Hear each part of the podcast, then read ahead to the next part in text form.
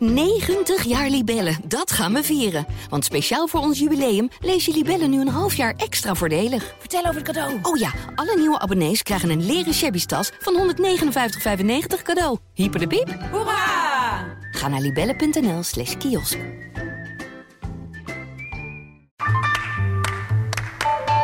Ik lees de Volkskrant omdat kennis van zaken hebben mij geruststeld. En ik mij daardoor sterker in mijn schoenen voel staan.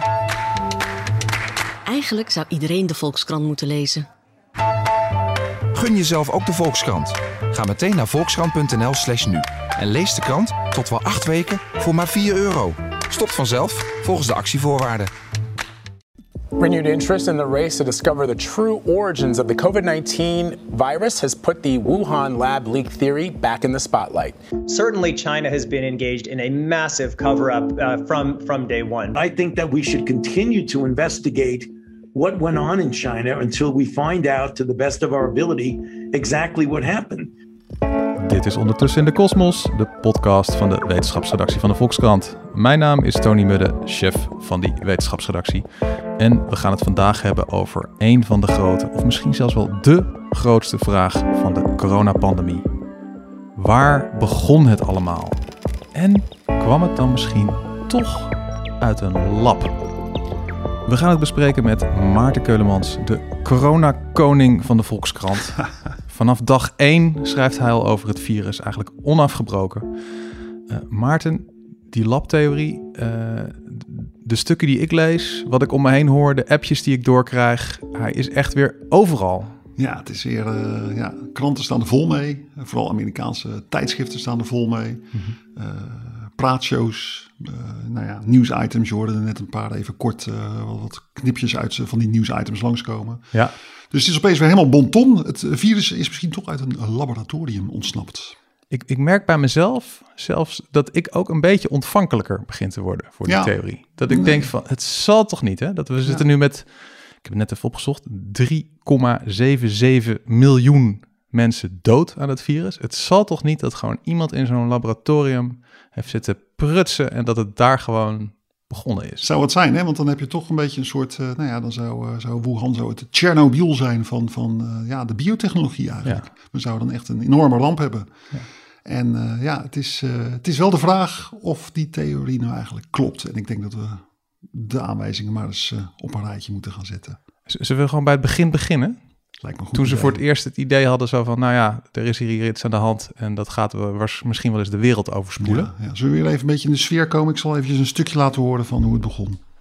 For all of these reasons, I'm declaring a public health emergency of international concern over the global outbreak of novel coronavi- coronavirus. The main reason for this declaration is not because of what is happening in China, but because of what is happening in other countries. De 30 januari, we horen hier meneer Tedros, baas van de WHO. Het coronavirus is op dat moment zo nieuw dat hij zichzelf nog verspreekt en zegt coronavirus volgens mij eventjes. Ja, ja, ja. Wat dacht men eigenlijk op dat moment over van waar dat virus vandaan kwam? Had men er al een idee over? Ja, nou de allereerste gevallen die eh, speelden zich af rondom die, eh, nou daar hebben we allemaal wel eens van gehoord, die befaamde dierenmarkt. Je hebt daar een hele grote wildmarkt, een wet market op eh, in Wuhan. En eh, de allereerste gevallen die speelden zich echt rondom die wet market af. Dus iedereen dacht van ja, SARS hebben we ook gehad in 2002. En dat was ook echt zo'n situatie van er is een dier eh, dat is besmet geraakt in de natuur met, door vleermuizen. Dat dier wordt vervolgens op de markt wordt het verkocht. In dat geval was het overigens een civetkat. Ja. En eh, nou ja, die ci- civetkat gaf toen het SARS-virus door op de mens. Dus ja, eigenlijk, ja, nu zie je weer allemaal ziektegevallen rondom een markt. Dus het lag heel erg voor de hand van, ja, dit, dit heeft gewoon te maken met dieren op een, op een markt. En ehm, het is ook wel zo, altijd bij zo'n uitbraak heb je ook wel meteen een soort onderstroming die dan complotjes gaan, gaan verzinnen. Dat heb je eigenlijk altijd. Eh, mensen hebben gewoon nou eenmaal echt die behoefte als er zoiets gebeurt om te denken van, nou ja, er moet een, een, een of andere mens moet erachter zitten. eh, iets of iemand Zo moet van hier- dit kan ons niet zomaar overkomen. Dit kan ons niet zomaar Iemand overkomen. moet dit bedacht hebben of er hier zit iets. Het is een groot kwaad wat de wereld overspoelt, dus het moet ook begonnen zijn met Dit opzet, ja, precies, precies. En, en het grappige is, als je dan gewoon kijkt in de, in de geschiedenis, hè, uh, de ebola-uitbraak van 2014 in West-Afrika, mm dan zei ze eigenlijk meteen van, van ja, dat is uh, Amerika. Dat is geplant daardoor, het ebola-virus is daar geplant door Amerika om de bevolkingsgroei tegen te gaan. Waarom anders zou het zijn in dat deel van de wereld waar de bevolkingsgroei op zijn sterkst is. Ja. Of uh, na het SARS-virus was het eigenlijk ook zo. Want het was heel duidelijk dat het uit die civetkatten kwam. En toch waren er mensen die zeiden van ja, wacht eventjes. Dit virus is gewoon uh, verzonnen. Het is uh, door, door Amerika in China geplant als een biologisch wapen. Samengesteld uit mazelen en de bof. Hebben ze een genetisch gemanipuleerd virus hebben ze daar losgelaten. Of ook een heel mooi voorbeeldje is Zika, het Zika-virus, wat toen mm -hmm. in Zuid-Amerika rondging. Ja, dat kwam door genetisch gemanipuleerde muggen. Dus weet je, je ziet altijd als er zo'n epidemie is, dan denken mensen, ja, dit is zo groot, onbevattelijk. Hier zit iets achter, er zit een complotje achter. Maar in dit geval, het waren niet uh, allemaal wappie complotdenkers die dit dachten, toch? Er was, er was er niet ook een keer een, een onderzoek waarin gewoon stond van... hey, ja, klopt. Helemaal misschien wel begin, uit een lab? Helemaal in het begin waren er uh, Indiaanse onderzoekers. En die kwamen met een, met een artikel op zijn preprint server. Dus nog niet een officieel goedgekeurd onderzoek, maar gewoon iets wat ze gewoon snel hadden opgeschreven. En ze hadden dus goed naar de, de, genetische volgorde van het virus gekeken. Mm -hmm. En ze zagen daarin stukjes van ja, dat is, dat is gewoon, dat is het AIDS-virus, dat is HIV. Ze zagen daar stukjes aminozuurcode, stukjes bouwplan, die waren ontleend aan het, uh, aan het, uh, het AIDS-virus. Mm -hmm. Ik zeg er in één adem bij, dat is helemaal niet zo gek, want alle, al het leven is nou eenmaal gebouwd rond van dezelfde spullen. En het is helemaal niet zo gek dat als je gewoon goed gaat inzoomen op een virus, dat je dan ja, stukjes vindt die toevallig overeenkomen met een ander virus. Ja. Dus dat is helemaal niet gek of zo. Dat artikel is ook later teruggetrokken. Mm -hmm. Maar op dat moment was dat wel ineens van ja, er is ook een onderzoeksartikel waarin staat dat het uh, uit HIV komt. En wat heel belangrijk was, die onderzoekers die legden ook de link met een laboratorium wat er was. Want wat ja. bleek nou, in Wuhan stond er ook een laboratorium, het Wuhan Institute of Virology. Een lab groot laboratorium waar ze onderzoek doen naar dit soort virussen. Ja, want over dat laboratorium, ik heb net een, even een kaartje uitgeprint hè, waar dat dan ligt. Ik, ik ga nu even Maarten een kaart onder zijn uh, vers gevaccineerde neus uh, duwen. We hebben hier een kaartje ja. van Wuhan. Ja. Dan heb je die markt waar het ja. allemaal begon. En dan, nou, dat is echt maximaal 15 kilometer. Ja. Bedoel, ja, dat is, dat, dat is dichtbij. Dat is, dat is wel raar. Dat, dat, loop je gewoon binnen, nou ja, dat ren je binnen anderhalf uur. Ja. Daar zit dus gewoon een instituut dat onderzoek doet naar coronavirussen. Ja, ja, ja, ja, klopt. Dat is en het is ook niet zomaar een. Het is eigenlijk een instituut. Ze zijn ooit begonnen met landbouwonderzoek. Dus onderzoek ja. naar landbouwziekten, kiemen en zo. En na de SARS-epidemie hebben zij, uh, een deel van het lab is toen helemaal toegelegd op het doen van onderzoek naar SARS-achtige virussen. Hmm. Om te kijken van ja, ja, zijn er nou nog meer van dit soort virussen die uh, ja, een pandemie zouden kunnen veroorzaken. Dus wat gingen ze doen? Ze gingen daar allemaal vleermuisvirussen verzamelen. Ze gingen allemaal uh, expedities doen naar het zuiden van China om daar gewoon ja, de virussen op te halen. En die zijn ze gaan bestuderen in het lab. En dat instituut staat daar dus inderdaad 15 kilometer vandaan.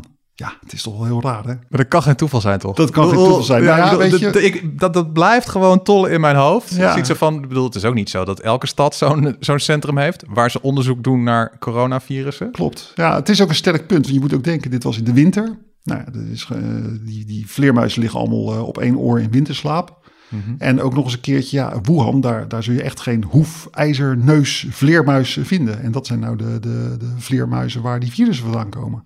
Dus ja, het is allemaal wel ontzettend toevallig. En uh, ja, vandaar dat zo'n theorie natuurlijk ook best wel gaat rondzingen. Ja. Wacht eens eventjes, een instituut, uh, er is een uitbraak. Uh, 1 plus 1, dat moet toch wel 2 zijn, hè, zou je zeggen. Ja, het, het is echt, voor mij voelt het hè, dus alsof er dus ergens een, een mega plofkraak is geweest. En dan ontdekken ze dat, uh, dat, dat, dat, dat, dat Willem Holleder daar zeg maar uh, op 100 meter vandaan in de buurt was. Die was net en, op bezoek. En, en, dat we dan allemaal gaan zeggen, zoiets van, nou, het zal toch niet Willem Holleder zijn? Nee, Weet je, ja, dat is een vleermuis. Ja, ja dat gevoel ik er een beetje bij. Maar... Nee, dat klopt, dat klopt. Nou ja, weet je, het, het, het grappige was, het was inderdaad, nou ja, dit is, we hebben het nu gewoon echt over vorig jaar. En, en, en deze theorie ging toen heel erg rond. En op een gegeven moment is het ook wel weer heel snel, is die theorie gewoon toch wel zich, heeft zichzelf opgebrand eigenlijk. En dat kwam een beetje omdat er toch wel hele excentrieke, gekke mensen mee, uh, mee aan de haal gingen. Zoals uh, ja, Nobelprijswinnaar uh, Luc Montagnier. Ik ga hem eventjes, we gaan even een stukje kijken naar hem. Een gekke Nobelprijswinnaar. Oké. He is one of the two scientists who discovered the deadly HIV virus. Professor Luc Montagnier was awarded the Nobel Prize for his discovery in 2008. Twelve years later, he has stirred up a debate. He says the Wuhan coronavirus came from a lab in China. When asked about the ongoing outbreak, Professor Montagnier said this virus is man made. He claims the coronavirus is the result of an attempt to manufacture an AIDS vaccine. Oké, Nobelprijswinnaar. Lijkt het, het HIV-virus ontdekt. Ja, Zo'n ja. man heeft wel recht van spreken, lijkt mij. Ja, weet je, Luc Montagnier is wel een beetje een enfant terrible. Je hebt wel eens van die rocksterren die dan heel beroemd worden en die dan toch een beetje rare dingen gaan doen.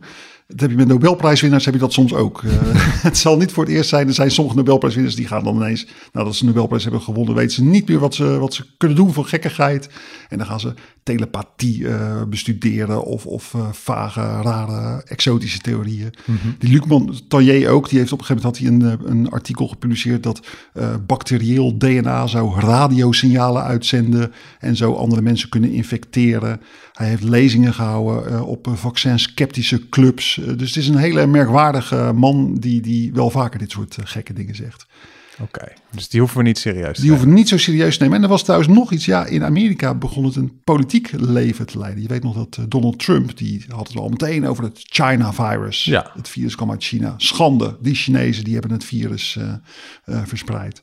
En uh, ja, die laboratoriumtheorie, die, die kwam hem wel heel goed uit. Dus hij ging dat helemaal omarmen. Hier, luister maar. Ja. Have you seen anything at this point that gives you a high degree of confidence that the Wuhan Institute of Virology was the origin of this virus? Yes, I have. Yes, I have. And, and what gives you a high degree of confidence that this originated from the Wuhan Institute of Virology? I can't tell you that. I'm not allowed to tell you that. Okay. Trump die uh, zegt dat hij stevig bewijs heeft. Hoe komt hij erbij? Ja, prachtig. Hè? Ik moet er al een beetje om lachen als ik dit terugzie. Want het was nou net is een van die hele grote artikelen die in de media is verschenen over de, het Wuhan Lab. Dat is een stuk in de Vanity Fair, een Amerikaans blad. Echt 40 pagina's lang. En uh, de, de, ze slaan de plank een beetje mis als het gaat over de virussen. Maar het is wel een hele goede reconstructie van wat er politiek gezien gebeurde op dat moment. En uh, eigenlijk was de stand op dat moment dat uh, Trump had net te horen gekregen van zijn inlichtingendiensten dat er nou ja, geen echt serieuze aanleiding was om te denken dat het virus uit het laboratorium kwam. Ja. We moesten het wel in de gaten houden, maar uh, de veiligheidsdiensten hadden Trump aangeraden om gewoon mee te gaan met de gevestigde theorie dat het gewoon toch via een dier naar de mens was gekomen, het virus. Ja. En daarna verbaasde Trump zijn eigen inlichtingendiensten door op het podium dit te, ver te vertellen. Van uh, ja jongens, ik heb gewoon hele goede aanwijzingen gezien dat het uit de lab komt. Ja, en wat die aanwijzingen dan zijn, uh, top secret, Kan top ik niet zeggen, sorry, ja, nee, dat is geheim. Ja, ja, ja, ja. En uh, de wetenschap, hoe reageerde die hierop? Nou ja, de wetenschap had het wel een beetje gehad intussen met deze theorie. Die zei van ja, luister, uh, uh, laten we nou eventjes solidair zijn met, uh, met onze Chinese collega's, met de Chinese wetenschappers. Mm -hmm. Het is gewoon volkomen aannemelijk dat dit virus gewoon uit de natuur komt en niet uit een laboratorium. Het is altijd zo gegaan dat het uit de natuur komt. Dus er verscheen in vakblad The Lancet verscheen een stuk van jongens, laten we solidair zijn alsjeblieft met, met, onze, met onze Chinese collega's. Laten we nou eens even ophouden met die laboratoriumtheorie. Mhm. Mm -hmm. En tegelijkertijd verscheen er ook in Nature verscheen een heel technisch stuk. En dat ging echt in op de structuur van het virus. En, en dat stuk, dat, dat artikel in Nature zei eigenlijk van ja, luister, als dit nou echt een genetisch ge, gemanipuleerd virus zou zijn, dan zou je daar bepaalde dingetjes in kunnen zien, bepaalde, bepaalde uh, stukjes genetische code. En die zitten er gewoon niet in. Dus het is, dit is gewoon geen kunstmatig virus. Maar het hoeft ook niet per se kunstmatig te zijn natuurlijk om uit een laboratorium te komen. Het kan nee, toch ook zijn klopt. dat het gewoon een virus uit de natuur, dat ze daar ergens in de voorraad hadden. Ja, dat zou natuurlijk altijd nog kunnen. Hè? Dat ze gewoon een of ander vleermuisvirus, nou ja, daar een laboratoriummedewerker had besprongen. En dat die laboratoriummedewerker het daarna naar buiten had genomen. Ja.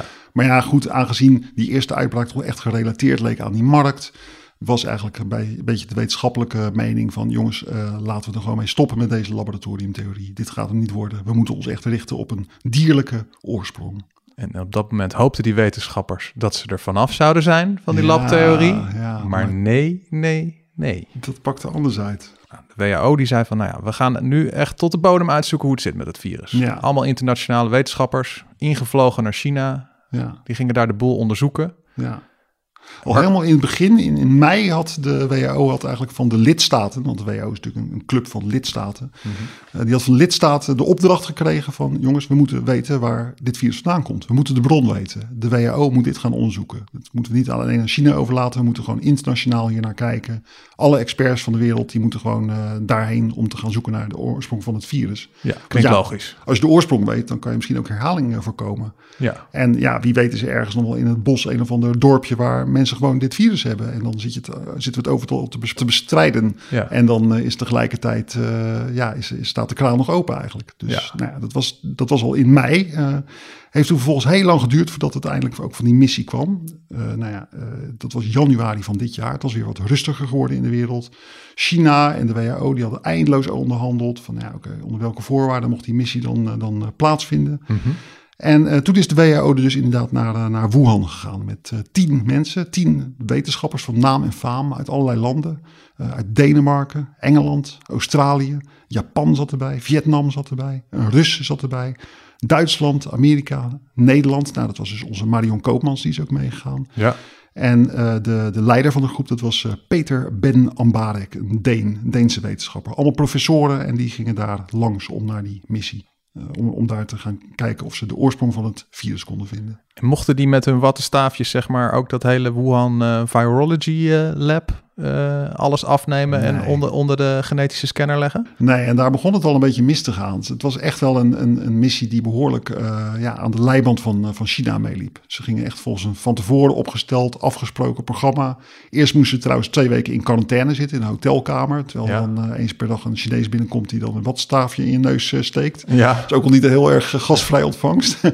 en ja, daarna, nou ja, we kregen natuurlijk beelden te zien in Europa dat ze dan daar, nou ja, goed, op, op tour gingen. Ze gingen naar een museum toe op een gegeven moment. Dat ja. was ook heel suf. Een museum van, ja, weet je wel, de, hoe fantastisch het Chinese volk uh, uh, het virus had bestreden. Dus ja, dan liepen daar die professoren, die liepen daar te shocken door zo'n ontzettende uh, foute tentoonstelling. Ja. Glorie aan het, uh, aan het Chinese communisme.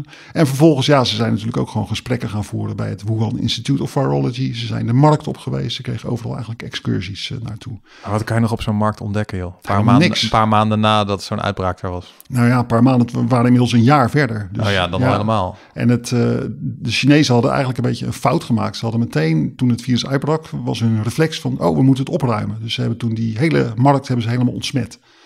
En, uh, ja, en dan kom je een jaar later kom je aan zo van, nou, ga maar onderzoeken ja, wat je wil. Ja, ja. Nou ja, het is natuurlijk toch een beetje alsof je de, de plek van de misdaad uh, uh, ja, helemaal onklaar maakt en gaat opruimen. Dus het is natuurlijk niet, was niet het handigste wat ze konden doen. Vanuit ja. het perspectief van zoeken naar de oorzaak. Ik kan me wel voorstellen als je daar een uitbraak hebt van een ziekte in je stad, dat je dan meteen alles gaat schoonmaken en dat je gaat, ja, de, de bron gaat, gaat schoonmaken ook. maar moest, handig was het niet. En dan moesten ze onder dit soort omstandigheden, zwaar gecontroleerd, alles al schoongemaakt, moesten ze dan zogenaamd uh, grondig onderzoek gaan doen. Ja, ja. En, en toen ja. kwam ook nog die persconferentie. Ja, dat was echt tamelijk legendarisch. Ik heb hem toen gezien, uh, live op uh, internet. Ze, na afloop zou ze een verklaring afgeven, een persconferentie. Ja. ja. Je bent natuurlijk in Nederland gewoon gewend. Een persconferentie is natuurlijk zoiets met flitsende camera's... en iemand die dan op het podium gaat staan en daar een verklaring afgeeft... en dan journalisten die vragen stellen.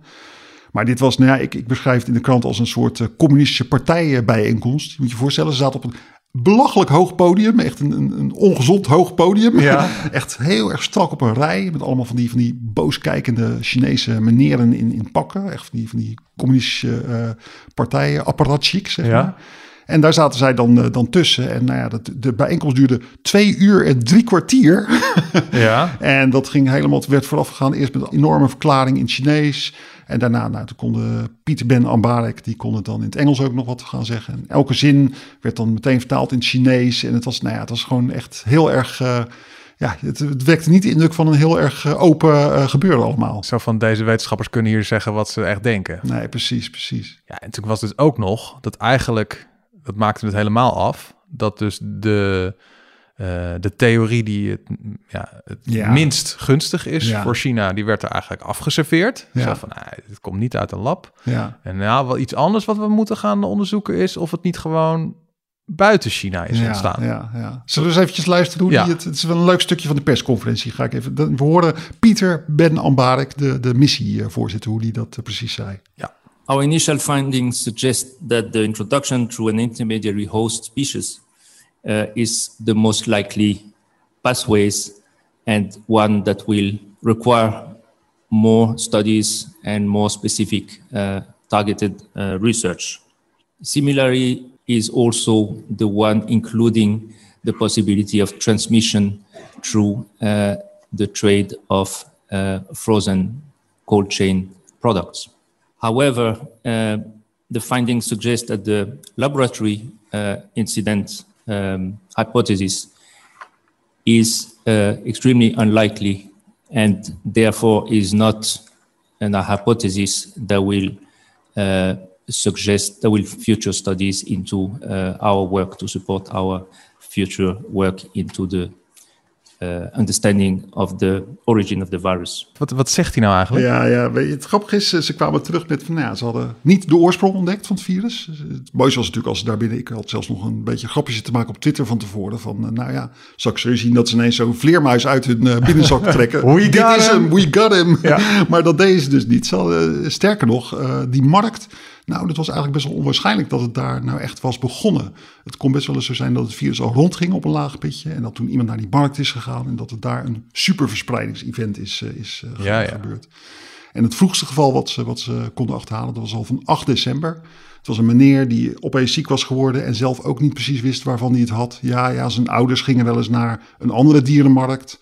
Maar ja, het spoor liep gewoon dood uh, qua uh, oorsprong in de dieren. En tegelijkertijd zeiden ze van ja, uh, oké, uh, daar moet toch wel meer onderzoek naar komen.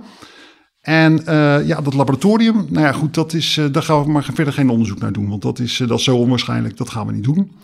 En ja, oh ja, we raden wel aan om onderzoek te doen naar nou ja, frozen chain, wat hij, wat hij dan noemt. Dat is diepvriesproducten. Er was namelijk ook een theorie in China dat het misschien het virus zich kon verspreiden van plek A naar plek B op bevroren uh, dierproducten. Er zijn serieuze wetenschappelijke aanwijzingen voor. Je kan een virus op plek 1 in, invriezen en dan verplaatsen naar plek B. En dan is het, kan, kan er nog steeds ziek van worden. Ja. Maar ja, dit was ook wel een theorie die China heel erg goed uitkwam. Dit was de, de, ja, de, de theorie dat, waarbij China natuurlijk zou kunnen zeggen van... het komt helemaal niet uit China, het komt uit het buitenland. Wij zijn onschuldig. Het zijn gewoon die diepgevroren kippenpootjes van die Nederlanders. Ja, precies. Of, precies. of whatever waar het ook ja, vandaan ja. komt. Dus eigenlijk lang verhaal kort hier zei eigenlijk... Uh, ja, de wereld hoorde hier de WHO-missie zeggen van... Uh, nou ja, goed, die uh, Chinese welgevallige theorie van... het kan misschien ook wel uit het buitenland komen. Die moeten we serieus onderzoeken. Onze theorie, de diertjes, dat moeten we ook serieus onderzoeken. En de theorie waar China helemaal niet van houdt. Het is een ongeluk. Jullie hebben ge geblunderd met jullie laboratorium. Nou, daar gaan we geen verder onderzoek naar doen. Maar zien wij hier gewoon dat de, de internationale crème de la crème van de wetenschap... Uh, hier ineens een soort uh, speelbal is geworden van China? Ja, ja, dat was ook mijn eigen, mijn eigen eerste gedachte, moet ik zeggen. Uh, ja, onze China-correspondent, oud-China-correspondent Marije, die heeft mij wel eens gezegd van... ja, weet je, Chinezen zijn heel goed in ja, je zo beïnvloeden... dat je op een gegeven moment ook helemaal meegaat met hun verhaal. Ja. Dat was ook mijn eerste gedachte toen ik dit, dit zag. Ik dacht van jeetje, nou ja, die knappe koppen, de knapste koppen ter wereld... die hebben zich mooi laten, in de luren laten leggen door, door China... En uh, ja, die hebben zich een uh, beetje iets op de mouw laten spelden. Niet best. En dat was ik, nou, ik was ook niet de enige die dat zei. Een hele hoop krantencommentaren die kwamen inderdaad met deze lezing. Van nou ja, goed, uh, de missie komt terug met lege handen, maar wel met die complottheorie van China, die China goed uitkomt. er kwam ook een, een, officieel bezwaar van de regeringen van Australië, Denemarken, Frankrijk en nog een hele trits andere.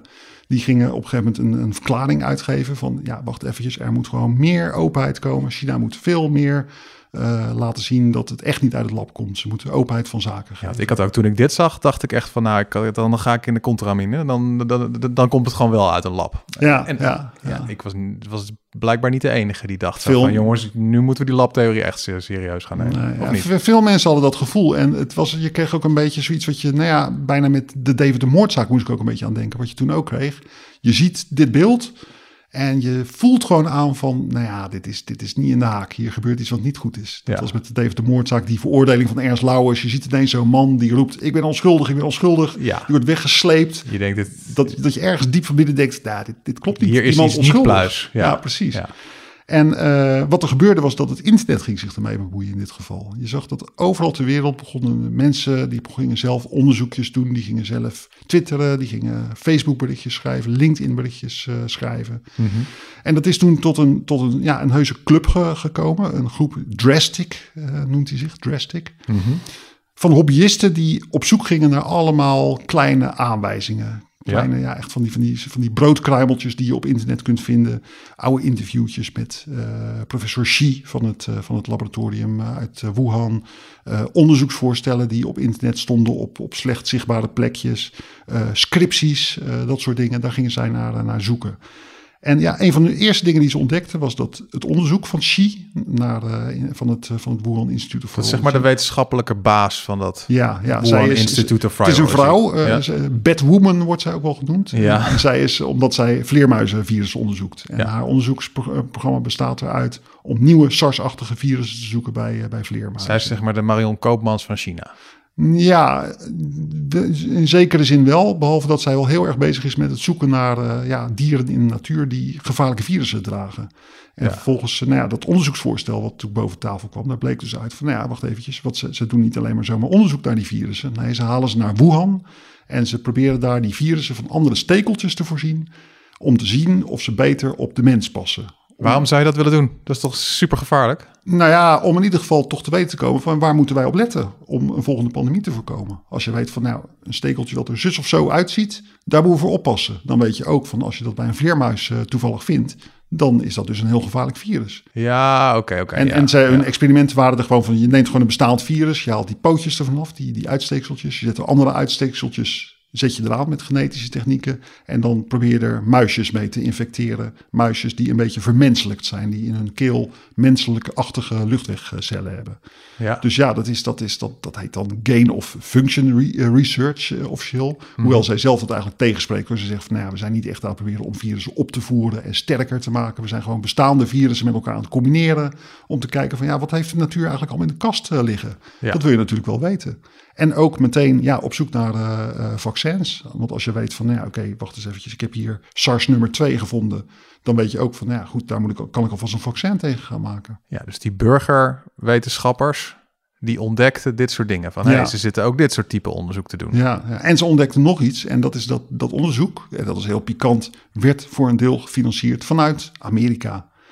En uh, ja, oh. dat is heel grappig. Amerika heeft daar had natuurlijk, heeft er natuurlijk ook belang bij om uh, nieuwe pandemieën te voorkomen. Dus Amerika financierde een deel van dit onderzoek. En toen werd het wel heel pikant, want toen bleek dus dat het Amerikaanse teamlid van dat WHO-missieteam, die net daar op dat podium hadden gezeten, dat was een zekere Pieter Deszak. Ja. Nou, die Pieter Deszak, die, dat is directeur van een, een, een NGO, een non-governementele organisatie, die onderzoek doet naar mogelijk nieuwe pandemische virussen in de natuur. En Pieter Deszak, die, nou, die werkte al 17 jaar werkte hij samen met dat uh, laboratorium. Maar ja, het is natuurlijk wel heel gek om dan zo iemand ook daar de controles te laten uitvoeren. Ja, dus dat nogal. was allemaal super verdacht van... hallo, je gaat een missie samenstellen met Pieter Deszak erin. En Pieter Deszak die heeft er gewoon belang bij om ja, te zeggen van... nou, dat laboratorium in Wuhan, dat heeft het niet gedaan. Dat gaat hoor. allemaal top. Dat zijn want, mijn vrienden. Want ik wil weer mijn volgende onderzoeksfinanciering precies, hebben. Precies, dus dat is inderdaad... Uh, ja, dus dat, dat, dat was best wel, daar zat best wel een luchtje zit, daar, uh, zit daaraan. Ja, ja dat, dat, is gewoon heel verdacht, toch? Ja. Oké, ja. ik, ik tel even op, hè. We hebben hier een instituut dat onderzoek doet naar coronavirussen.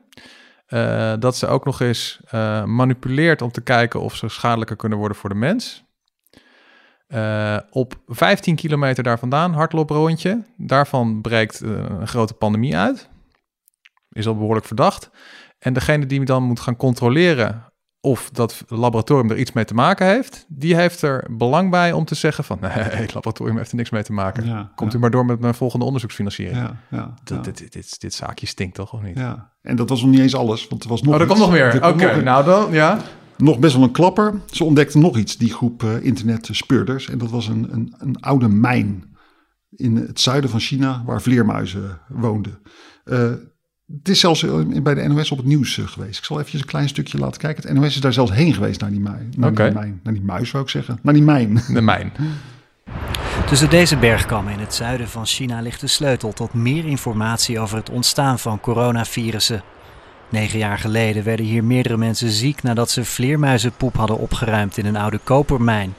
Koorts, hoest, moeite met ademhalen, een longontsteking met onbekende oorzaak, waaraan drie mensen overleden. Het coronavirus wat daar werd gevonden. Oké, okay, dan hebben we dus ook nog een grot waar een paar mensen vleermuizenpoep hebben opgeruimd. Waarom ze dat precies gingen doen, dat vertelt het verhaal niet. Maar ze gingen vleermuizenpoep opruimen. Dat heb je allemaal wel als je denkt, kom, ik ga als vleermuizenpoep opruimen. Dat, uh, dat belandt dan uiteindelijk ook gewoon in dat instituut of zo? Ja, ja, die poep? Of hoe, ging dat? Nou, wat, wat hier aan de hand was, um, in, in februari, echt kort na het uh, uitbraak, uitbreken van het, van het coronavirus, toen had uh, Xi, Batwoman, ja. die had uh, zelf in het uh, Britse blad Nature had ze een artikel geschreven waarin zij schreef van joh, ik heb, ik heb in, mijn, in mijn voorraad, in mijn voorraadvirus heb ik één virus gevonden dat best wel een beetje lijkt op, uh, op SARS nummer 2, op het nieuwe coronavirus. En dat is een virus met de naam RATG13. Nou, dat is een codenaam, hè, zoals het vaker is in, in dit wereldje. Ja. Dat leek heel erg op SARS-2. En toen is die, die groep uh, burgermensen uh, die is gaan kijken van nou waar komt dat virus nou precies vandaan? En uh, die is gaan zoeken en nog meer gaan zoeken. En die kwamen toen met dit verhaal uh, kwamen ze boven tafel van wacht eventjes dit virus is afkomstig uit een mijn in Zuid-China daar heeft Xi dus dat, dat virus opgedeukeld mm -hmm. en een jaar voordat Xi dat deed zijn daar dus drie mijnwerkers doodgegaan die daar vleermuizenpoep aan het opruimen waren ja. en die groep die vond ook nog eens een keertje een Chinese scriptie van een Chinese student en als je dat vertaalde dan bleek daaruit van, wacht even, die mensen waren misschien ook nog wel eens overleden aan een virusinfectie. Dus ja, echt mm -hmm. 1 plus 1 is 2. Uh, er zit daar dus een SARS-achtig virus waar mensen aan doodgaan.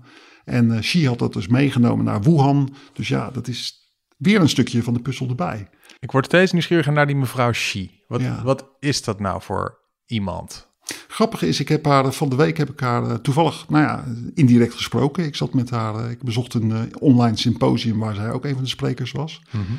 En het is niet wat je verwacht. Het is niet een geheimzinnige, duistere, rare wetenschapper. Nee, het is gewoon een volkomen verwesterse, verwesterste, moet ik wel zeggen, ja. wetenschapper. Ze is opgeleid in, in Frankrijk. Ze heeft in Engeland onderzoek gedaan. Ze heeft in Amerika veel onderzoek gedaan. Ze spreekt vloeiend Frans, vloeiend Engels. Met een Chinees accent hoor dat wel. Ja. En ja, als je haar zo ziet, bezig ziet met onderzoek, dan is het helemaal geen geheimzinnige, enge, militair opererende schaduw-Chinees, zal ik maar zeggen. Ja, het is gewoon een heel normale wetenschapper eigenlijk. Maar hoe, hoe, ja, hoe kunnen we dat zeker weten? Want in, in China is toch gewoon alles weten? gewoon vervlochten met de overheid en defensie. En Ja, ja. We, we kunnen toch nooit zeker weten of zij niet ook een geheim programma aan het runnen is? Los, Nee, dat los is van alles punt. wat ze publiceert? Dat is het punt, dat weet je natuurlijk nooit, eh, nooit zeker. In ieder geval weet je met dat RATG-13-virus, er zijn best wel dingen die daar ook weer op af te dingen zijn. En een van die dingen is bijvoorbeeld van, nou ja, ehm, eh, wat, wat ze daar verzamelen in die grot. Ja, je denkt, oh, ze haalden daar virussen vandaan. Maar dat is niet zo. Wat ze daar vandaan haalden, dat zijn met wattenstaafjes, gingen ze daar anal swabs nemen van de vleermuizen. Dus de, ja, ik kan niet anders zeggen, de kontjes van een vleermuis eh, met een wattenstaafje. Ja. en daar dus de virussen vandaan halen. En ook eh, restjes poep die daar op de grond lagen, die gingen ze samplen. Dus gewoon ook met een wattenstaafje daar van de, van de grond af allemaal eh, stukjes poep op, eh, oprapen. Ja. Die gingen dan in een buisje waarbij virussen meteen dood zouden gaan als er nog levende virussen in zouden zitten. Dat namen ze mee naar Wuhan. En in Wuhan gaan ze dat dan uitlezen met allemaal geavanceerde apparatuur om de genetische code van zo'n virus eh, te bepalen. Ja. Dus wat ze in Wuhan hebben is echt niet, eh, weet je wel, kasten, vleer, eh, dat je een vrieskast opentrekt en dat er allemaal vleermuizen hangen. Nee, daar staan allemaal gewoon buisjes met, met monsters. En wat ze vooral hebben is op de computer allemaal eindeloze slierte genetische letters. De lettercode van, van virussen. Dus dat vond ik al eh, best wel er tegen in eh, eh, te, te brengen. En ja, het, het aardige was ook dat RATG-13-virus, dat was dan wel, ja, het leek erg op SARS, maar het verschilde er ook heel erg van. Het had 96% overeenkomst met eh, SARS-2.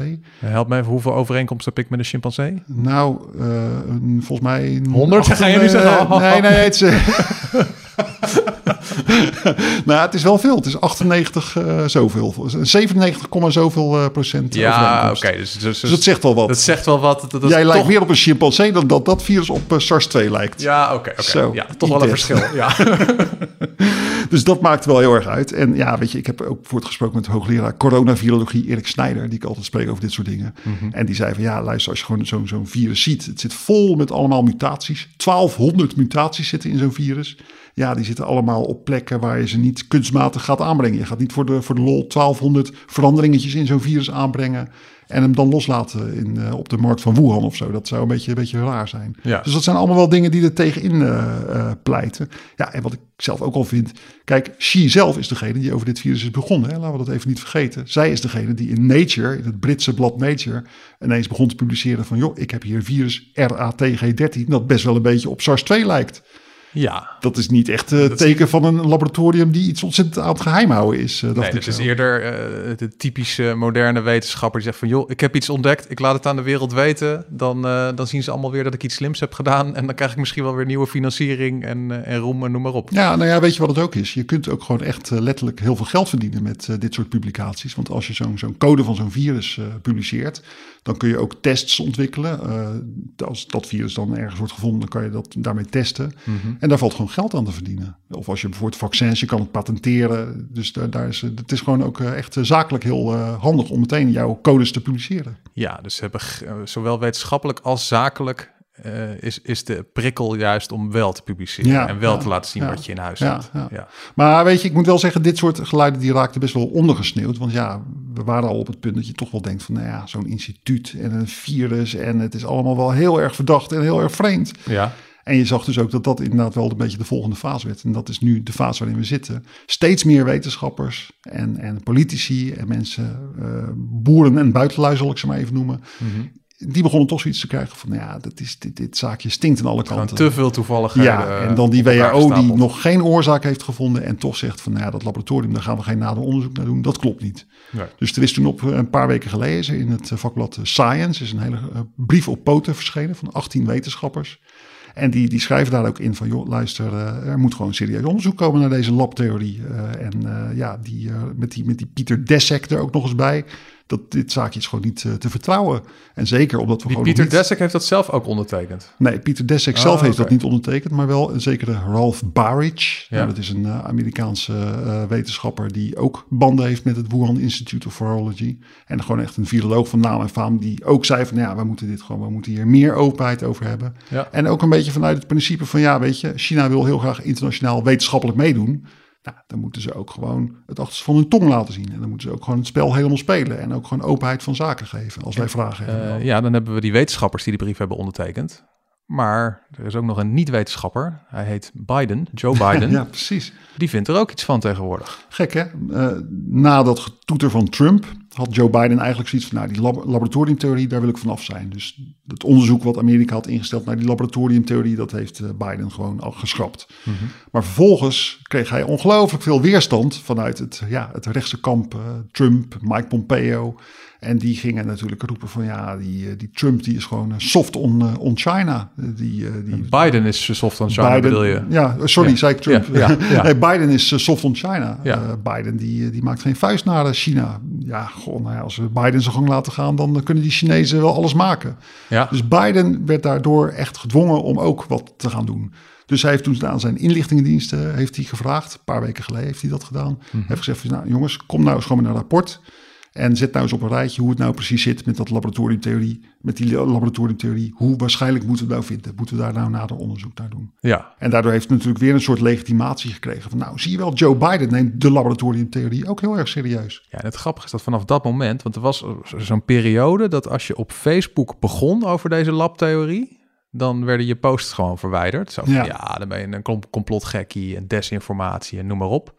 Maar, maar de laatste tijd mag het weer. Ja, precies. En dat komt natuurlijk door dit soort dingen. Zoiets Ja. van, ja, als de Amerikaanse president zegt dat het onderzocht mag worden... als, Ja. eh, als, als, zoveel wetenschappers in science zeggen van... het mag onderzocht Ja. worden... Ja. dan mag iedereen het er natuurlijk gewoon weer over hebben. Het is volgens mij ook letterlijk zo gegaan. Hè, dat Facebook op een gegeven moment gewoon echt officieel heeft gezegd van nou oké, de laboratoriumtheorie, daar mogen weer Facebook posts over komen. Die gaan wij niet, eh, die gaan we niet meer weg eh, censureren. Maar goed ook, want anders mocht dit niet uitgezonden Nee, worden... precies, op de worden platforms.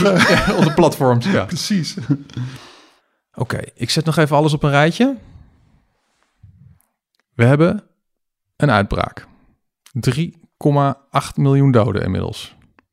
Die uitbraak, de allereerste daarvan, vindt plaats op een markt 15 kilometer verwijderd van een instituut dat onderzoek doet naar coronavirussen en hoe schadelijk ze zijn. Dan hebben ze daar ook nog eens eh, een vleermuizenpoep onderzocht, waarbij eerder mensen overleden zijn aan corona-achtige klachten. En dat virus lijkt ook nog eens behoorlijk op het virus dat er rond is gegaan. Dan hebben we dat dit ook nog eens gebeurt in China, waarbij de overheid overal zijn tentakels heeft zitten, geen openheid van zaken geeft over van alles en nog wat. Als dit een detective zou zijn, dan wijzen alle pijlen richting de lab-theorie. Ja, ja, precies, precies. Maar jij zegt, Nou, ik zeg hoe meer je erin verdiept en hoe meer je gewoon ook met de hoofdrolspelers uh, uh, spreekt, ja, des te meer je toch eigenlijk opvalt dat er wel, ja, je, je, je gaat met, door dit soort circumstantial evidence ga je gewoon de kern van de zaak uit het oog verliezen. Mm -hmm. En de kern van de zaak is gewoon, er is een nieuw virus, wat helemaal niet lijkt op iets wat ze in het laboratorium hadden. Ja. En bovendien hebben ze in dat laboratorium niet zozeer heel veel virussen. Ze hebben maar drie virussen, hebben ze daar op kweek. De rest is allemaal genetische code die ze gewoon ergens in de computer hebben staan. Mm -hmm. En uh, het is ook nog eens een keertje een instituut wat gewoon, ja, als ze zo'n virus zou vinden, zou ze publiceren. Dus ja, Want dat hebben ze in het verleden ook gedaan. in het verleden ook gedaan. Dus eigenlijk is het helemaal niet zo heel waarschijnlijk dat dit virus nou uit dat lab komt. Uh, wat ik ook grappig vond van die kleine dingetjes. Hè. In het begin van de uh, epidemie heeft Xi zelf heeft een interview gegeven met Scientific American. Heel onschuldig onderzoek, uh, onderzoeksartikel, zeg maar, over van, nou ja, wat voor onderzoek zij doet. Mhm. Mm -hmm. En toen zei ze ook van, nou ja, toen de uitbraak er was, ze schrok zich helemaal dood zelf. En ze, het eerste wat ze deed was toen zelf in haar, in haar gegevens gaan kijken. Van, oh jee, ik heb toch niet hier ergens een ongelukje veroorzaakt. Ik heb toch niet een virus toevallig hier uh, liggen wat uh, is ontsnapt. Oh, ze schoot niet meteen in de ontkenningsstand. Ze schoot niet meteen in de ontkenningsstand. Ze zegt tegen Scientific American, uh, toen er nog helemaal geen sprake was van, van laboratoriumtheorie of zo. zei ze tegen Scientific American van ja, ik heb gewoon gezocht of wij dat virus toevallig hier ergens hadden liggen. Ja. Was niet zo. Ik heb de medewerkers van mijn laboratorium gecheckt. Ik heb de bloedmonsters genomen van de medewerkers van het laboratorium. Nou, die hadden geen antistoffen tegen, tegen dit virus. Ja. Uh, ik heb uh, gekeken of er mensen ziek waren geweest. Nou, er waren wel een paar mensen die een keertje de griep hadden gehad. Maar dat, was, dat waren dan allemaal mensen die niet net in het lab uh, hadden gewerkt. Dus eigenlijk, ja, weet je wel, ik was gerustgesteld over mijn eigen laboratorium. Dat soort dingetjes, daardoor denk je toch van, nou ja, is het misschien ook een beetje overdrijven het niet een beetje. Ja. Ook grappig trouwens, hè, de WHO heeft een tiplijn voor ja, als je, als je iets te melden hebt over deze zaak. Je kunt, anoniem kun je die tiplijn opbellen. Ja. ja, en uit heel China is er nog nooit zo'n tip gekomen het afgelopen jaar, vertelde Marion Gewoon een soort 0800 nummer zo van, uh, bent u of kent u Ja. iemand die uh, in een laboratoriumjas het, uh, het laboratorium uit is gelopen en ziek is geworden Ja. rond die tijd, dan bel ons. Nou ja, kijk, als het echt een complot zou zijn, dan zouden daar honderden mensen, zo niet duizenden mensen zouden daar weet van hebben in China. Mhm. Wetenschappers die allemaal in, in Frankrijk, Engeland, Amerika hebben gewerkt. Ja, weet je, ik, ik, je verwacht toch dat er eentje dan op een gegeven moment wel iets zou lekken, hè? maar dat is dus ook niet gebeurd. Dus dat zijn allemaal dingetjes die erop wijzen van, nou ja, zo heel waarschijnlijk is die laboratoriumtheorie niet. Nog iets, als je me toestaat. Ja. Je toonde me in het begin dat kaartje van, ja, je hebt dan, het, is, het is inderdaad 15 kilometer ligt het van elkaar. Het Ja. Wuhan Institute of Virology en die markt. Maar er ligt wel iets tussen, dat is de Yangtze-rivier. Het Ja. Wuhan Institute of Virology ligt op de zuidoever van de Yangtze-rivier. En de grote uitbraak is eigenlijk in het noordelijke gedeelte van de stad heeft dat plaatsgevonden. Ja, we hebben een nieuw ding tegenwoordig, dat heet bruggen. Ja. Die gaan over de rivier. Dat is niet zo moeilijk, hè? maar het is wel heel opvallend dat je in die wijk waar het Wuhan Institute of Virology eh, eh, ligt, daar heb je eigenlijk, heeft de ziekte helemaal niet zoveel eh, eh, gevallen veroorzaakt. En juist in het noordelijk stadsgedeelte weer wel. En het blijkt gewoon uit, uit allerlei onderzoeken dat die rivieren, dat zijn best wel. Ja, maar dat is waar die laborant altijd van steden. Hè? Ja, maar dat is waar die laborant altijd zijn vis kocht. Dus die is gewoon in één keer uit het laboratorium is die daar zijn vis gaan halen. En daar, daar, zou- zo is het begonnen. Het zou allemaal, het zou allemaal kunnen. Het zou zonder meer allemaal kunnen. En hoe, Het is, hoe, hoe komen we er nou... Wanneer is dit, is, dit, is dit verhaal nou gewoon klaar? Dat we zo'n zo van exhibit A, overduidelijk, zo is het gegaan en niet anders. En Ja. de hele wereld legt zich erbij neer van, oh ja, nee, nee, nu is het duidelijk. dat is toch het moment dat we gewoon echt die vleermuis uit onze binnenzak trekken. En van ja, jongens, we hebben hier een vleermuis die er verschrikkelijk veel op lijkt. Of tenminste, de vleermuis die heeft een virus in zijn, in zijn, in zijn keel. Dat ontzettend lijkt op het nieuwe virus. En ja, idealiter ook de route. Hè? Dus dat je inderdaad ontdekt van wacht even op die markt in, in Wuhan. Daar verkochten ze wasbeerhonden. Die wasbeerhonden komen van een boerderij in het zuiden van China. Op die boerderij van, in het zuiden van China, daar vliegen ook die vleermuizen rond. Ja. De boeren van die boerderij die hebben antistoffen tegen dit eh, virus in hun eh, bloed. Dus het is heel aannemelijk dat het via die wasbeerhonden of nertsen of Ja. varkens of noem maar een ander dier, dat het via zo'n tussendier naar Wuhan is gekomen. Dat zou eigenlijk het ultieme bewijs zijn. Eigenlijk zolang we dat niet vinden, dan, dan krijg je die labtheorie, die blijft gewoon rondzingen, toch? Ja, en het wordt dan ook gewoon een kwestie van, van vertrouwen, denk ik. Ik heb Mhm. die Pieter Deszek, die eh, man, ja, weet je, die man, dat is wel Dus gek. is die Amerikaan die Die samenwerkte Amerikaan, met ja, mevrouw Xi, Ja, ja. Ik heb hem uitgebreid gesproken in Amerika. En eh, ik ga je straks toch even een stukje laten horen uit dat, eh, dat gesprek. Wat ik best wel. Het was een, een indringend gesprek, moet ik zeggen. Die man die is zijn onderzoeksfinanciering kwijtgeraakt. Omdat Trump meteen heeft gezegd: van, Nou, wij willen geen mensen financieren die eh, onderzoek doen samen met die stomme Chinezen. Ja. Eh, nou, die man die wordt aan alle kanten belaagd. Eh, hij heeft allemaal van, die, van die verzoeken voor openbaarmaking van zijn e-mails moet hij beantwoorden. Mhm. En nou, hij heeft geen rode rotcent meer. En hij wordt ook nog lastiggevallen allemaal complotdenkers en mensen die zijn privéadres publiceren. Nou, allemaal, die man zit echt in een wereld van narigheid. Ja. Terwijl ja, dit is wel een man die al 17 jaar op zoek is naar nieuwe pandemische virussen. Die ons juist wil beschermen tegen nieuwe pandemieën. Ja, het is wel heel Iemand die we tragisch. hard nodig hebben. En Ja. hij zegt het zelf erg mooi, vind ik. ik. We gaan even een stukje luisteren. Het is, ik zeg daar meteen even bij voor de luisteraars. Het is een beetje, het is een opname die ik zelf thuis heb gemaakt. Dus het is een beetje een korrelige opname. Mhm. En je hoort ook gek geluid op de achtergrond. Dat is mijn kat die zit te bouwen. maar we gaan even luisteren. And in fact, what's happened is this this lack of trust has poisoned the well even further now. So if if I say, well, I trust what they're saying, and the reason that I trust it is because I've been working with them for 17 years. Yeah. Everything they say to me now fits everything they've said to me for 17 years. You know, if, if you're working with someone in the field, if you're having meetings with them, you're having dinner with them, the fact that we work internationally with with um, collaborators in China is it's the opposite of what's being said. It makes our understanding better. It makes our our, um, our knowledge deeper about what they're doing. At some point, you have to trust the WHO team. You have to trust me. You have to trust the Chinese scientists. But what you do is you trust, then verify.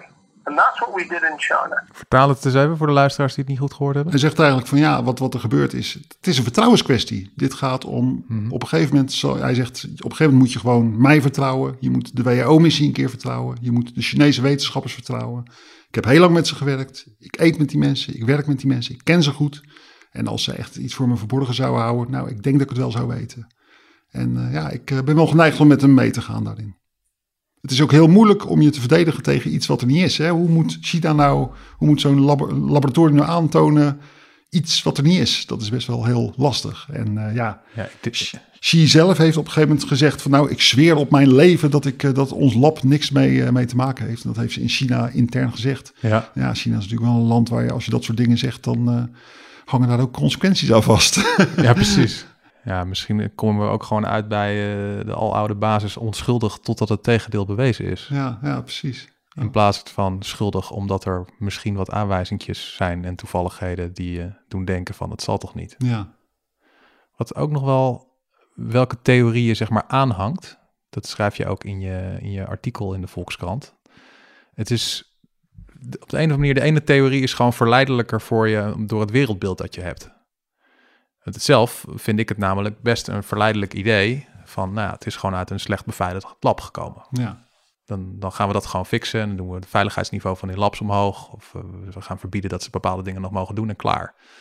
Terwijl het andere idee, dat het dus ergens vanuit de natuur is overgesprongen, dan zou, moeten we dus dingen radicaal veranderen aan ons contact met dieren en dierenconsumptie. Ja. En dan moet er van alles anders. En dat is, de Ja. ene is natuurlijk verleidelijker dan het andere. Het zijn wereldbeelden inderdaad. En Ja. ik denk ook, dat is heel opvallend, hè, dat het in Amerika heel erg aanslaat bij rechts-Amerika. Die voelt zich heel erg aangetrokken tot die laboratoriumtheorie. Ja, gewoon zij hebben dat Het veroorzaakt. is makkelijk. De Ja. kwade, de, de slechte, domme, eh, onhandige Chinezen die dingen laten ontsnappen uit hun laboratorium. En eh, Ja. nou ja, moeten strenger zijn tegen China, en dan gebeurt dit niet meer.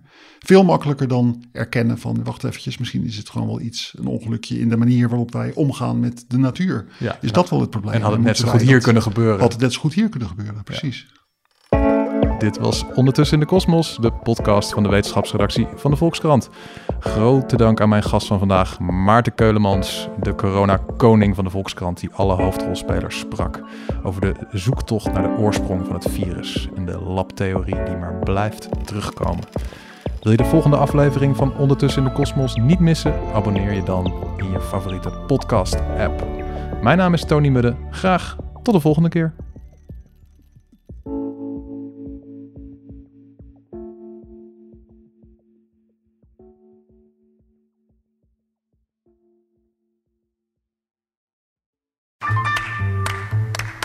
Ik lees de Volkskrant omdat ik altijd alle kanten van een verhaal wil weten. En ik nieuwsgierig ben naar de mening van anderen. Eigenlijk zou iedereen de Volkskrant moeten lezen. Gun jezelf ook de Volkskrant. Ga meteen naar volkskrant.nl/slash nu en lees de krant tot wel acht weken voor maar 4 euro. Stopt vanzelf, volgens de actievoorwaarden.